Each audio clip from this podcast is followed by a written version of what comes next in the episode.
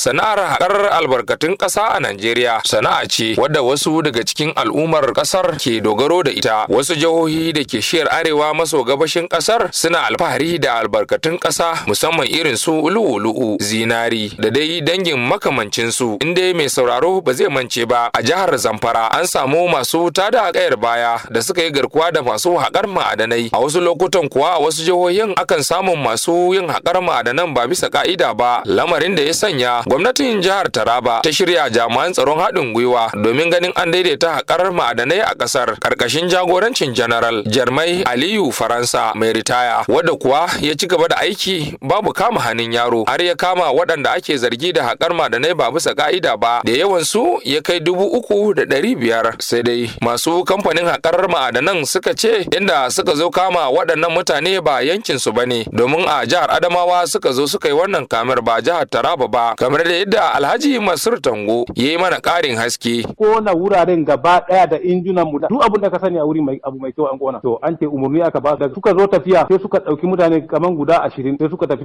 da su Jalingo da suka je kuma sai suka kawo immigration kuma wannan abu ba ba wai muna yin shi illegal ba bin ka'ida ba don da takardun mu da komai. Alhaji wannan mutane da suka zo wannan yanki inda suka je din yankin cikin Adamawa suka je suka yi wannan al'amari ko dai wurin da kuke haƙar ma'adanan a Taraba yake. Yankin cikin Adamawa ne cikin ni aifafen tongo ne kuma na san na san boda na san kome yankin cikin Adamawa ne da muka yi coordinate kuma muka tura kadastara su suka yi reply mana wannan yana tongo Adamawa state. Shi kuwa Ayuba Aminu Buba wanda lamarin ya ritsa da shi kuma ya ce. Ka fara ganin tawagar sojoji na shigowa kan mashina. Ko wani mashina ko wani mashina ɗauke da soja biyu. Soja na tukawa soja baya. Kamar mashina nawa ne in za ka iya tunawa. A kiyasi kamar zai iya kai mashin arba'in da aka raunana wani daga masu haƙan ma'adanan ya sassinin babban injuri a kan shi da ka san an sa adda an yanke shi haka.